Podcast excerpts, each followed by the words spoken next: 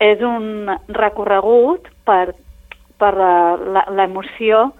eh, diguem-ne que tot, tots els infants estan a, a sobre l'escenari per tal d'obrir un lloc, obrir, despertar a la ràbia i durant tot l'espectacle el, que, el que intentem és que amb l'energia de les nenes i els nens aquesta ràbia surti per veure-li la cara i poder, diguem-ne, no fer-nos amics, però entendre-la una mica millor i, i poder conviure amb ella.